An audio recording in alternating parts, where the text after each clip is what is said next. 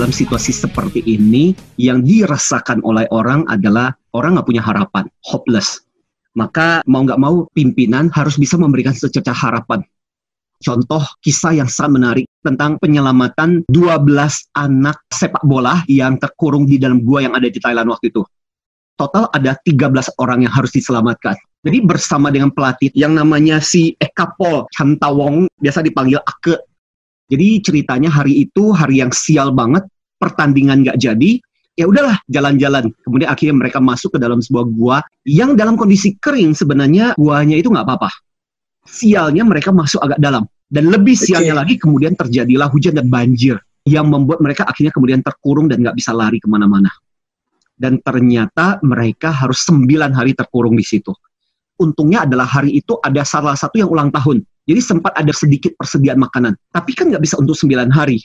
Justru di sinilah peran si pelatihnya yang namanya Ake itu. Jadi mereka cerita selama sembilan hari itu apa yang mereka lakukan adalah mereka diajak untuk bernyanyi-nyanyi, tetap bersemangat, membagi ransum makanan, kemudian latihan supaya energi nggak terlalu banyak keluar dengan cara bermeditasi karena kan kadang-kadang oksigen menipis dan itu membuat mereka akhirnya bertahan selama sembilan hari sampai akhirnya kemudian diselamatkan.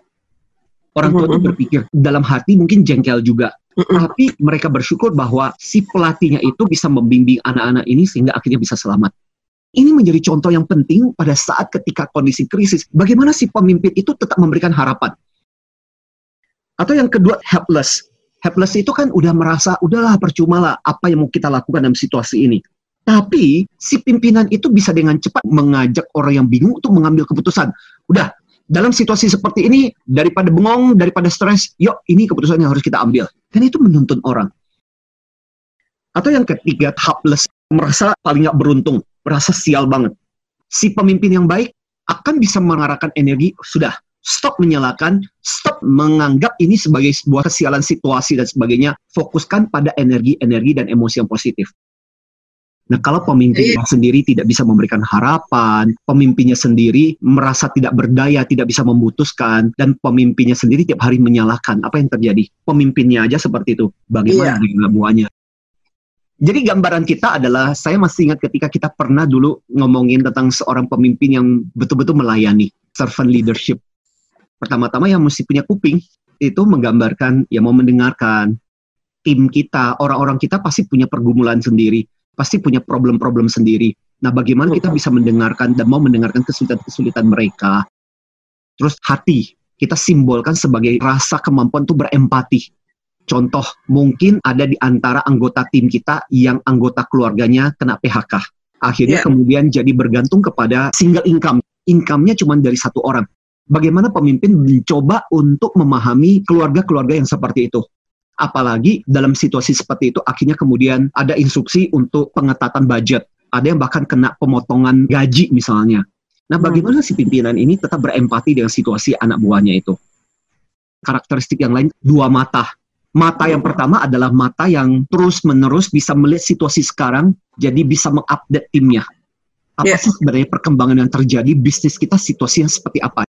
Tapi jangan cuma fokus pada sekarang. Mata yang kedua adalah mata yang bisa memandang dan melihat ke depan. Jadi bisa membuat prediksi, mencoba untuk tetap membesarkan hati timnya. Yang lainnya juga kita bisa bicara mengenai mulut. Nah itu penting banget. Bukan cuma sekedar kasih instruksi.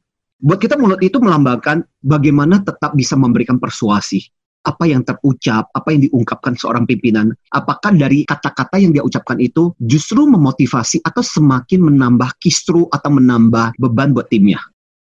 Ada komponen lain yang juga menjadi peringatan buat kita yaitu tangan. Tangan kan ada dua. Tangan yang pertama adalah tangan yang mengembangkan, yang memberikan penguatan lah.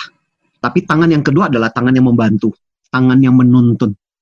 Dan saya merasa memang challenging banget mungkin malah dari pimpinan sendiri kita dituntut untuk memberikan kepada anak buah kita seperti itu. Lah kita sendiri kan juga manusia, kita sendiri juga bisa dalam kondisi sulit. Masalahnya ada di situ. Ya kita nggak bisa cari dari siapa pun kecuali ya diri kita sendiri yang harus bisa menguatkan diri kita.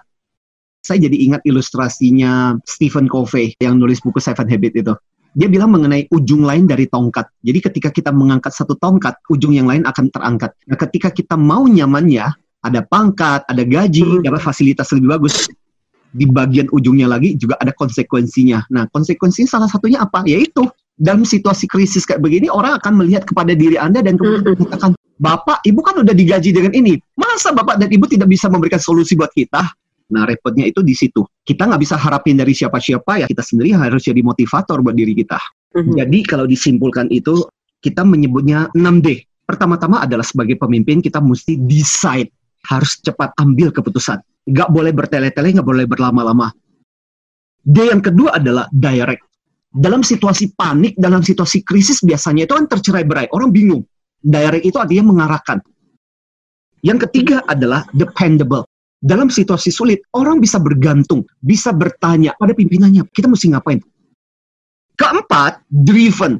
Seperti kayak supir, dia harus tetap punya energi, dia harus punya semangat.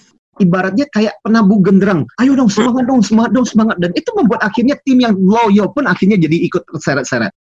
Gimana lu bisa mengharapkan anak buah lu tetap dalam posisi punya konsentrasi, punya energi yang bagus kalau diri lu udah loyo?